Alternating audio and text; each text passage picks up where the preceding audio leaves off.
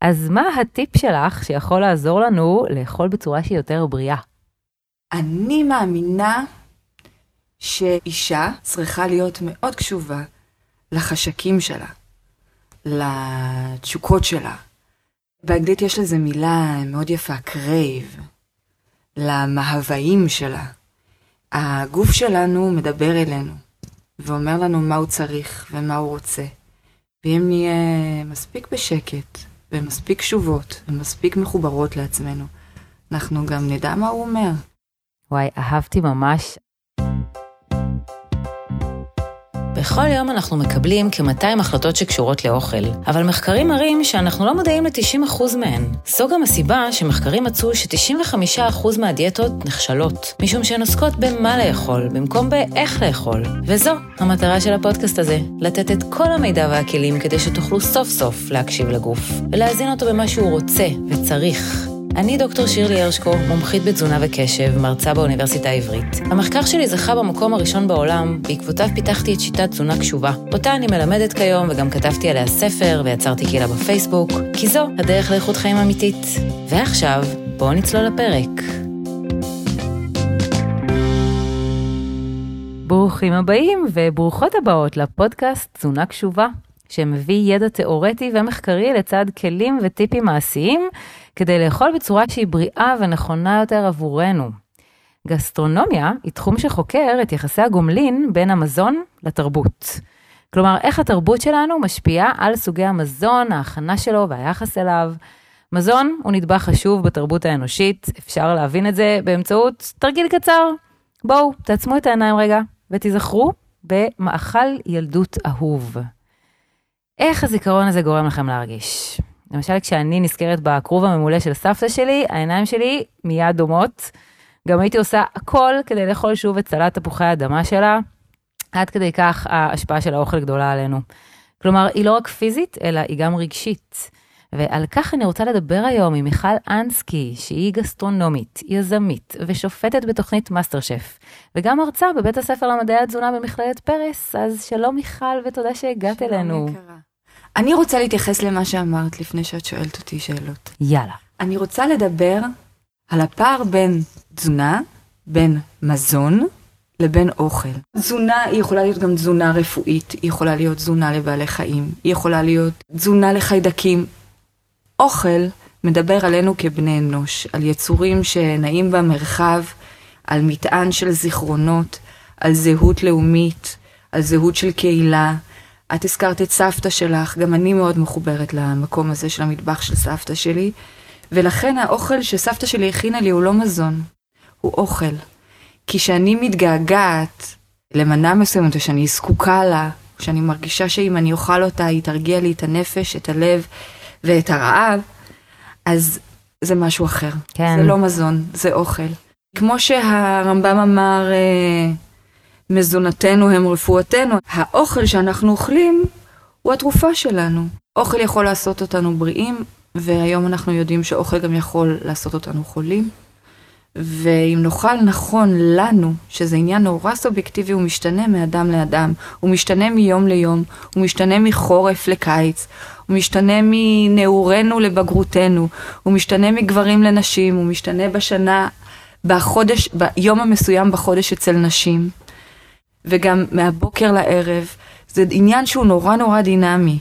הקשב לתוך המערך הדינמי הזה, הוא דורש אמ, אהבה עצמית.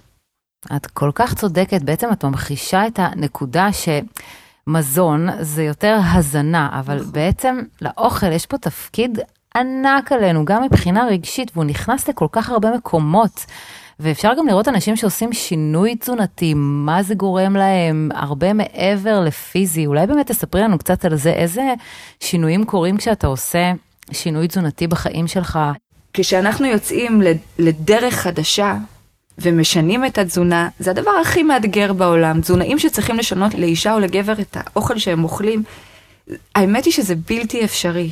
ואנחנו רגילים לתזונה מסוימת שמאפשרת או מעוררת אצלנו תחושות מסוימות, בגלל המערכת הפרסימפטית, בגלל החיבור לזיכרונות, בגלל החיבור לריח, בגלל החיבור לעבר שלנו, לזהות שלנו, אם אנחנו אוכלים כשר או שאנחנו שונאים פטרוזיליה, מגדיר אותנו בעיני עצמנו. אם אנחנו בדיאטה של... אנחנו אוכלים רק בשר או מאכלים שמנים, או שאנחנו אוכלים רק חלבונים וחיים על חזה עוף, כי אנחנו שומרים, מתאמנים נורא חזק ואנחנו רוצים או רוצות להיות uh, חטובות וחטובים. כל אחד יש את הדרך שהוא צועד בה, והאוכל הוא מה שמאפשר לנו לצעוד בדרך הזאת בצורה שהולמת את הערכים שאנחנו מחזיקים בראש, אבל בסופו של דבר אנחנו משנים את המבנה mm-hmm. שלנו. אכילה זה דבר מאוד מאוד אינטימי ומאוד מאוד מיידי. אם אני נוסעת ליפן ומשנה את התזונה שלי, מתזונה של אוכל מבושל או מתועש או תעשייתי, פתאום לדגים נעים ואצות, זה גם ישפיע לי על המצב רוח, זה גם ישפיע לי על אור הפנים, זה ישפיע, ישפיע לי על, על צבע היציאות, סליחה על התיאור, אה, זה, זה ישפיע לי על הריח שלי, זה ישפיע לי על הצורה שבה אני עושה אהבה. Hmm. זה ישפיע לי על הטעם של הרוק שלי שאני מתנשקת עם מישהו. זה ישפיע על הכל. אז, אז, אז שינוי תזונתי זה אתגר, לדעתי, הכי קשה והכי משמעותי שאנחנו יכולים לקחת על עצמנו. לכן גם בהלכות, ביהדות, הכשרות היא קשה לביצוע. הלכה היא, היא במובן מסוים גזירה שאנחנו גוזרים על עצמנו ואנחנו שמים גבול של מה שאנחנו מכניסים ומה שאנחנו לא מכניסים לגוף שלנו. Mm. ושינוי תזונתי זה כל כך קשה וכל כך מאתגר ודורש השתתפות של כל הסביבה, של המשפחה, של החברים. בתוך הדבר הזה, כי אם אנחנו רוצים לשנות הרגלי אה, תזונה, אנחנו לא יכולים בערב שבת שמישהו יאכל צלחת אחת שהאוכל שמתאים לו, ושאר המשפחה. שנים אדם אכל דג חריף של שבת וטבל בפנים חלה לשבת, והוא התענג על הרגע הזה, ופתאום הוא צריך להימנע באופן מוחלט מחלז. משהו, נפ... יש טעם נפגם במרכאות כפולות לעונג שלו. אז זה לא דלק אוכל, זו תרופה מאוד מאוד חזקה, mm-hmm. אבל אני אוהבת להסתכל על זה כאל כמעט כישוף. Mm-hmm. שאנחנו מבשלים, אנחנו מטעינים חומרי גלם בתוך אה, גדרה או סיר או מחבת, ברגשות ובכוונות, ושאנחנו מפנים את זה כלפי עצמנו, אנחנו יכולים להבריא את עצמנו ולשנות, לשנות את, ה, את המבנה הגופני שלנו. זה מדהים מה שאת אומרת, זה נורא מתחבר לי לזה שגם אני לסטודנטים שלי אומרת תמיד שהם לא רק תזונאים, הם גם מטפלים, אני ממש מלמדת אותם פסיכולוגיה וטיפול. זה לא לתת את ה... להתאים את התפריט, זה להתאים, כמו שאמרת, את כל הסביבה ו- ואת ההוויה ואת התהליך הפנימי שהם עוברים עם זה. והסביבה פה יש לה תפקיד ממש חשוב, אחרת אתה מרגיש מאוד לבד, ואחרת מאוד קשה לך לעשות את נכון. השינוי הזה, גם האנשים שסביבך וגם איך שאתה מעצב. את ה... אפילו את הבית שלך. הערכים שאנחנו סופגים בילדות, בילדותנו הרכה, מטביעים חותם מאוד גדול באישיות שלנו והם מהדהדים הלאה גם להורים. אם אנחנו מייצרים שינוי תזונתי אצל ילדי הגן, זה יהדהד הלאה לכל המשפחה. זה, זה יהדהד להורים עצמם, זה יהדהד לסבא וסבתא, זה יהדהד לאחים הגדולים שלא זכו לקבל את התיקון הזה בילדותם. וזה מה שאנחנו מנסים לעשות באמצעות חינוך לטעמים בגיל הרך. וואו, זה מטרת על בעיניי, כי זה באמת מתחיל משם, וזה גם חייב להתחיל מהמסגרת שהילד נמצא בה רוב היום, גן, בית ספר, זה כל כך קל, לא כל כך, אבל זה הרבה יותר קל להתחיל את השינוי משם. הבעיה היא, לפחות לפי הניסיון שלי, שיש המון התנגדות. אפילו ההורים עצמם, בגלל איך שהם חיו, אומרים, מה, אבל לא, לא יהיו מלא, מלא ממתקים ביום הולדת, ומה לא תהיה עוגה כל חג, ומה לא, כל, כל יום שישי לא תהיה חלה עם שוקולד. אבל אני בעד. אני בעד שב, שבחג יהיו קינוחים של החג, ושביום שישי הקינוח שאנחנו תמיד אוהבים לאכול, ושביום הולדת יהיו ממתקים ותהיה עוגה. אבל ביום הולדת, ובחג, ובשבת, והימים המיוחדים שבהם אנחנו יוצרים איזשהו איזון, גם קלורי, גם של כמות הסוכר, גם אה, פתאום אני כן מתייחסת לערכים תזונתיים בתוך מרחב קולינרי, אני לא נוטה לעשות את זה. Mm. יש איזשהו חוק הכלים השלובים ש, שמתקזז פה, כי אם אנחנו שומרים על תזונה מאוזנת, נכונה, בריאה וקשובה אה, במהלך השבוע, אז זה ממש בסדר. מהמם. זה ממש בסדר ביום הולדת לאכול עוגה. וככה אני מחנכת את הבנות שלי, כי ברגע שיש הימנעות מוחלטת ומייצרים איזה אנטי, זה כמו לא ללחוץ על הכפתור האדום, זה עושה חשק מאוד מאוד עז לחטוא. התשוקה קיימת רק במקומות שקיים איסור, לאקאן דיבר על זה. נכון. אמ, רומאו ויוליה אה. לא אפשרו להם להיות ביחד והם מתו על מזבח האהבה הבלתי אפשרית הזאת ואנחנו רוצים לשבור גבולות ששמים לנו, שאנחנו שמים לעצמנו.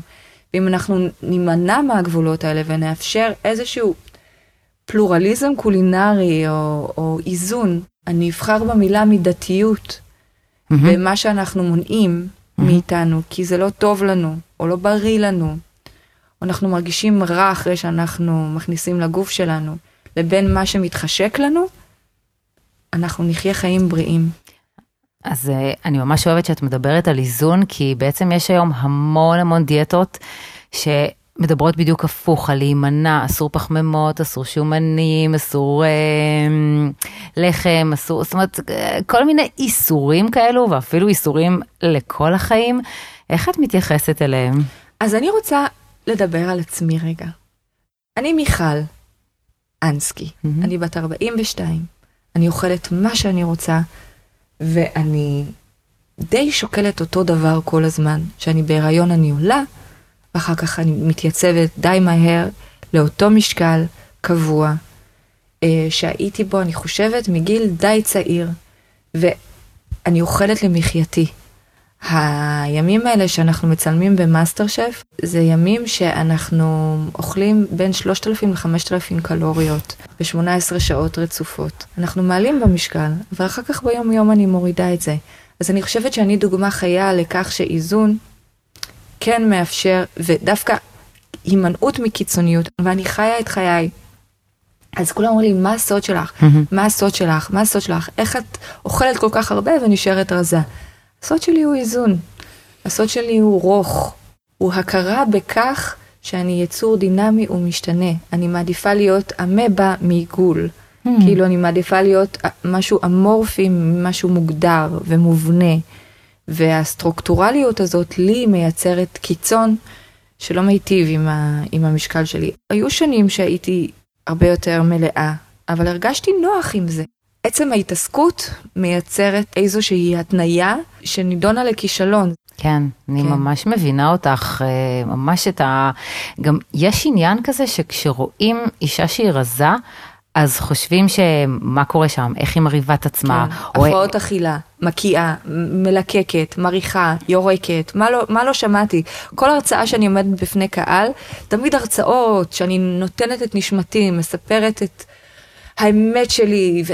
ואז מגיע שלב השאלות, ואז נותנים כמה שאלות, אה, בוא נגיד, רלוונטיות, ואז מגיעה השאלה.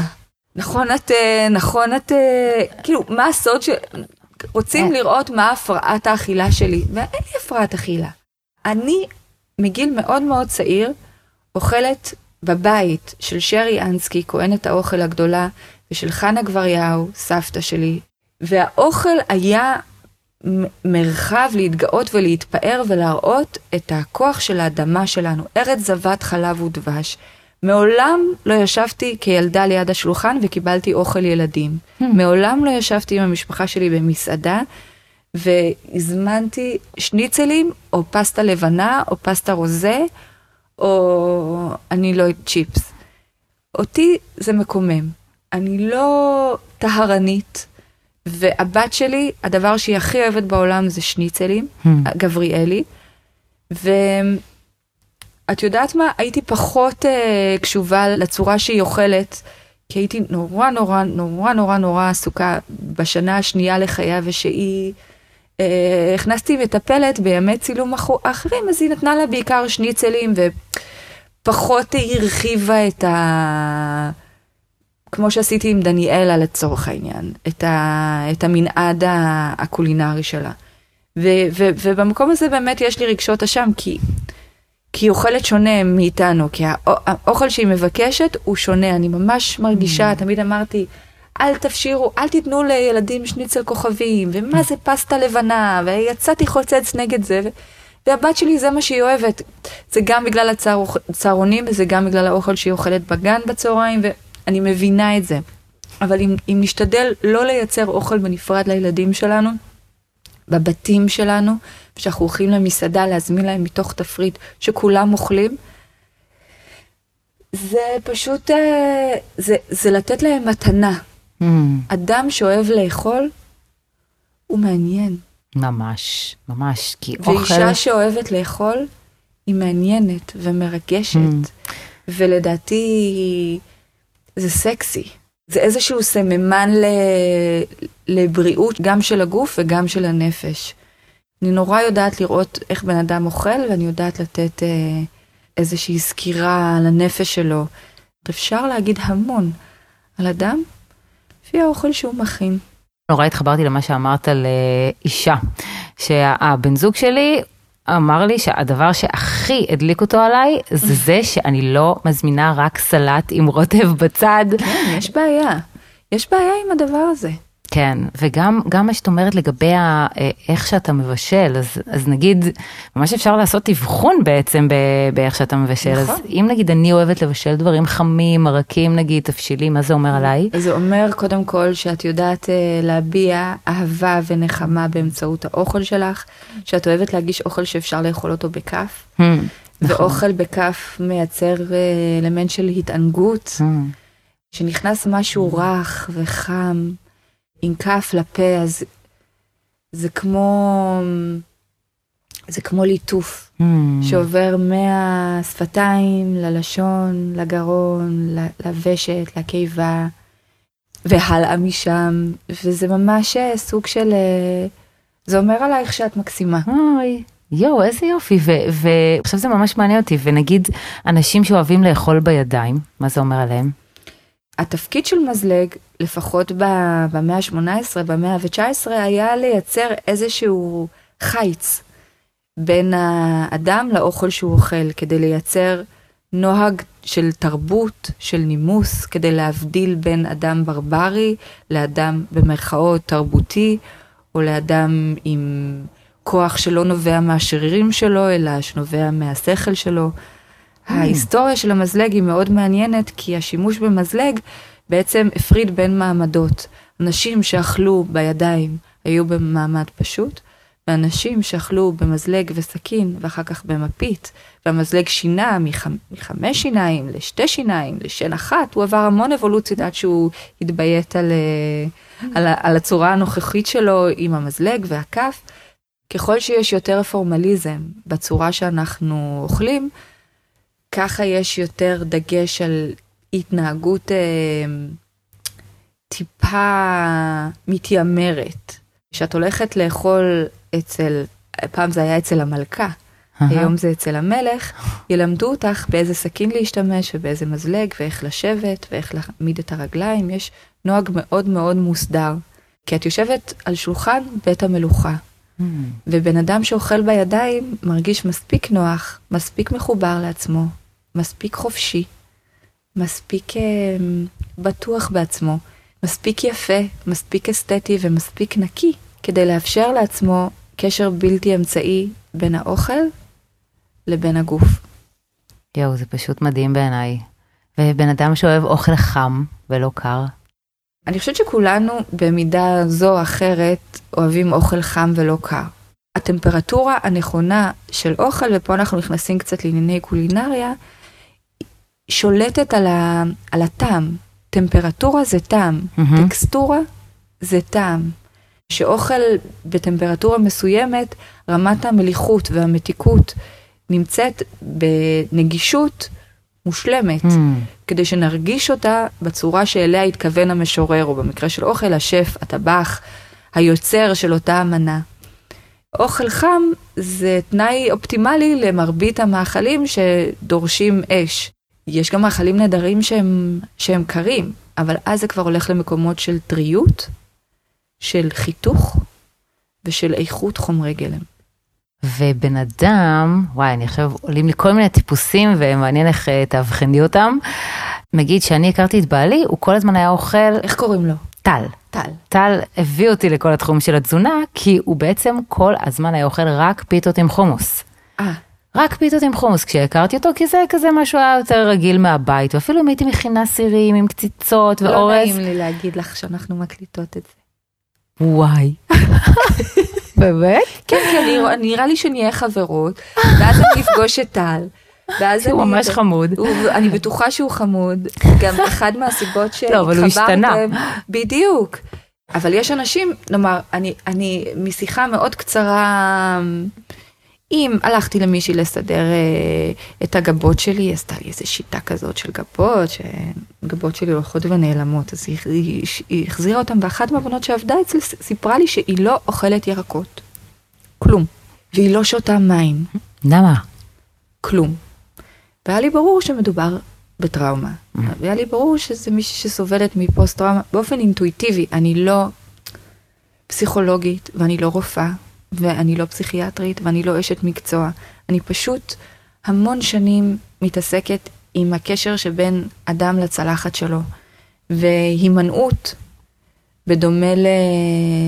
לתשוקה מוגברת, נותנת אה, אינדיקציה על נפש, על Mm. נפש בריאה, על נפש חולה, על נפש אה, פצועה. וכששאלתי אותה, אני צדקתי. וואו, אז האוכל ממש כן. מלמד על מי שאתה, זה, זה ממש מטורף. נכון. ואנשים נגיד שהם כל הזמן בדיאטה כזה, פעם בדיאטה, או שהם יכולים להיות בדיאטה, או שהם לגמרי מתפרעים. אלה אנשים שלדעתי יהיו יחסית באחוזון גבוה של המשקל.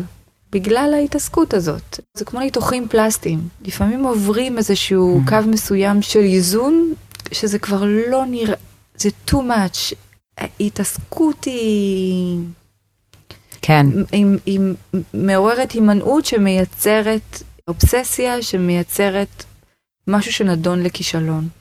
אז באמת, מה שאת אומרת גם מדגיש את העניין של... אבל אני לא בטוחה שתזונאים יאהבו את מה שאני אומרת, אבל זה, זה האמת שלי. הם צריכים לדעת את זה, זה בטוח. אני לא, אני לא, אני, אני, אני, שוב פעם, אני מדברת, אה, אני, אני יודעת שיש אה, תזונאיות ותזונאים שמאוד התרעמו מהדברים שאני אומרת, אבל ככה אני מאמינה. למה התרעמו? כי יש אנשים שנורא מאמינים בדיאטה, ויש אנשים שיש להם אינטרס לשווק Mm. דיאטות מסוימות, ויש אנשים שמרוויחים מזה המון המון כסף. אז כשיש אינטרס, אה, משתנה האמת. Hmm, נכון. אבל אני תמיד אגיד את האמת אבל שלי. המחקר הוא גם איתך, המחקר מראה ש-95% מהדיאטות נכשלות, שזה מטורף. 95 אחוז. כן, וואו. 95 לא אחוז. אז אני אשתמש בנתון הזה. הנה, יש לך פה לגמרי תמיכה מדעית, ובעצם מה שאת אומרת, שהסיבה לזה שהן כל כך נכשלות, שא', להימנע זה לא טוב, וב', אתה חייב להסתכל על, על הרבה מאוד דברים שהם מעבר, לטפל גם אפילו בדברים שהם מעבר, בין אם בנפש או, או בסביבה שלך. נכון. ויש גם תפקיד לסביבה שהיא יותר טכנית בעינייך, נגיד איך אתה מסדר את המקרר, איך אתה מסדר את הצלחת, איך אתה הופך את האוכל אולי ליותר אטרקטיבי או נגיש. אני רוצה להכניס את השאלה שלך לתוך קונטקסט. כן. אם אני מגישה לסועד, אם אני מארחת בביתי, אם אני מגישה לביתי, אם אני מגישה למישהו במסעדה, במסעדה שלי, ברור שהפרזנטציה מהווה חד משמעית תפקיד חשוב, כי אנחנו אוכלים עם העיניים וזה כבר אה, קלישאתי מרוב שזה בסיסי, מהמם. ואני מסכימה עם הטענה הזאת. אסתטיקה, ניקיון, היגיון, נראות, אה, הנחה, חוקים מסוימים, טכניקות מסוימות של הגשה, הן קריטיות. אנחנו קוראים לזה צלחות במאסטר שף. מהמם. הרבה אנשים רוצים לעשות שינוי נגיד, אבל הם לא מכניסים את השינוי הביתה, עדיין יש להם מלא אוכל נגיד שהוא לא בריא, או מלא חטיפים וממתקים, ואז זה מאוד מפתה. קשה. מאוד מאוד קשה, ויכול להיות שזה דורש משהו אחר ממה שקיים היום.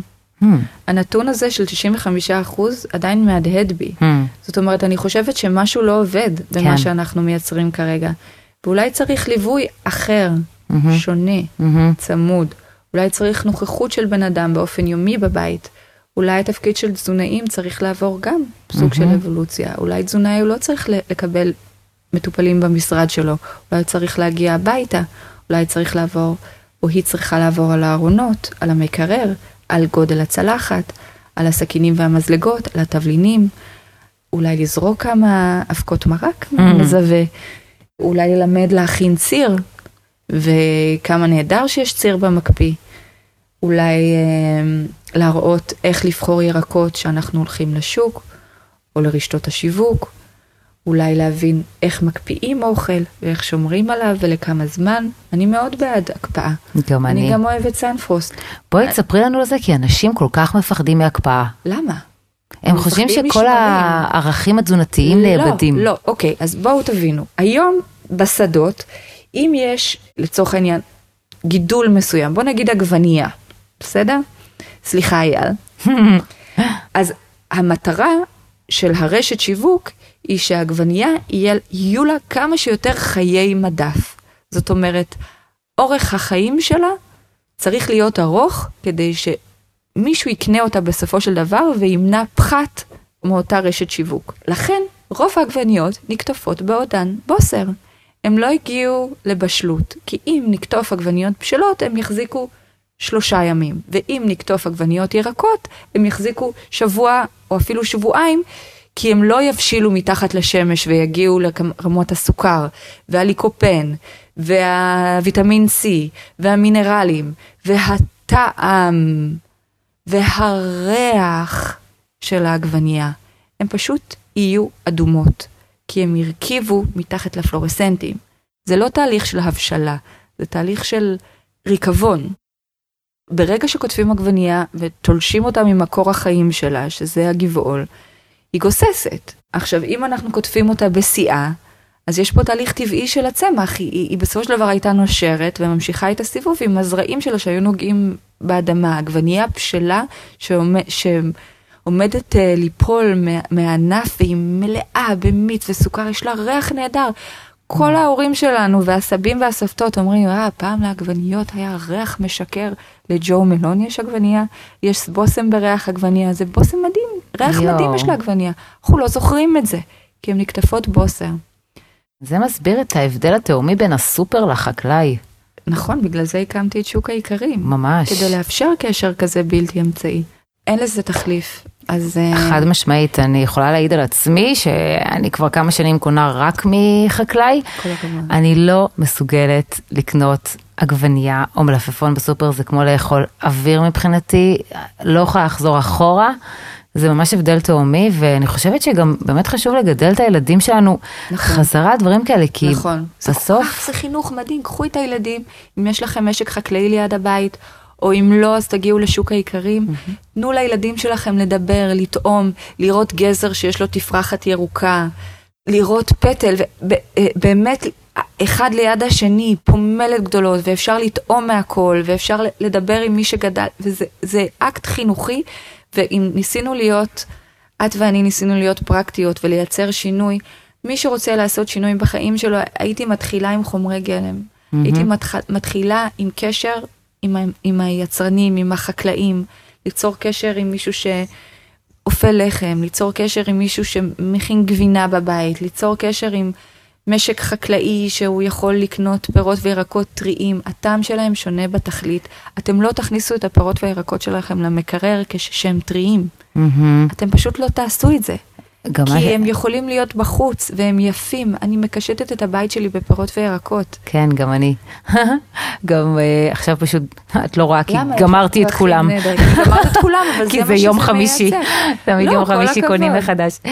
כן, וגם מה שאת אומרת זה, זה בעצם גם מדגיש את העניין שאם אתה רוצה לשמור על הרגלי אכילה טובים, אתה צריך ליהנות מהאוכל, זה לא יעבוד אחרת. ומההכנה. כן, ובגלל זה יש לי כל כך ככה רתיעה מהתפריטים האלה של שתי פרוסות אה, לחם קל בבוקר עם כף נכון. אה, גבינה דלת שומן. לא, נכון. לא בא לי. לא, לא, לא, אני רואה את זה לפעמים, את המסמכים, את הדפים האלה תלויים על מקררים של אנשים, גם לי זה עושה רע. וזה עושה לי רע, ואז אני לוקחת את אותו דף, עשיתי את זה כמה פעמים, אולי זה חוצפה, ואני נותנת אלטרנטיבות של מתכונים, כמו שאני עושה עם הסטודנטים. כי חזה עוף יכול להיות מוחלף בסלט שוארמה נאמר, Mm. שלוקחים חזה עוף ועושים טיבול של שוארמה ואז צולעים אותו משני הצדדים ופורסים דק דק ובחוץ זה ככה קריספי וזה עדיין חזה עוף אבל הוא מוגש על בצל סגול שחתכנו דק דק והשרינו בלימון וקצת עשבים עם נאנה ובצל ירוק ופטרוזיליה וכוסברה וכל מה שאנחנו אוהבים ו- ו- ומנערים אותם ביחד ולוקחים איזה שלוש כפות של אורז לבן בתחתית ועל זה את הסלט ולמעלה את השוארמה החמה שצרבנו על פלנצ'ה וזה ארוחה הרבה יותר טעימה ומענגת ואם יש לנו גם מרחב קלורי אז נשים איזה כף של טחינה טובה חלקה קרה חמוצה. והחיים יפים. מה אלוהים, איך שאת מתארת אוכל עושה אותי מחדש רעבה, זה מדהים. אז בואי נאכל, הכנת מרק, לא? כן, תביא לי איתו. ברור, תודה למרות שזה שאירחת קצת אותי. מלחיץ. וואו, אנחנו הולכות לאכול מרק ואני אני באמת רוצה ממש להודות לך, יכולתי להמשיך עוד שעות לדבר איתך על אוכל, יש כל כך הרבה מה לדעת שם, באמת תודה על הטיפים, על, ה, על, ה, על הגישה, זה ממש מעורר אה, מחשבה. תודה.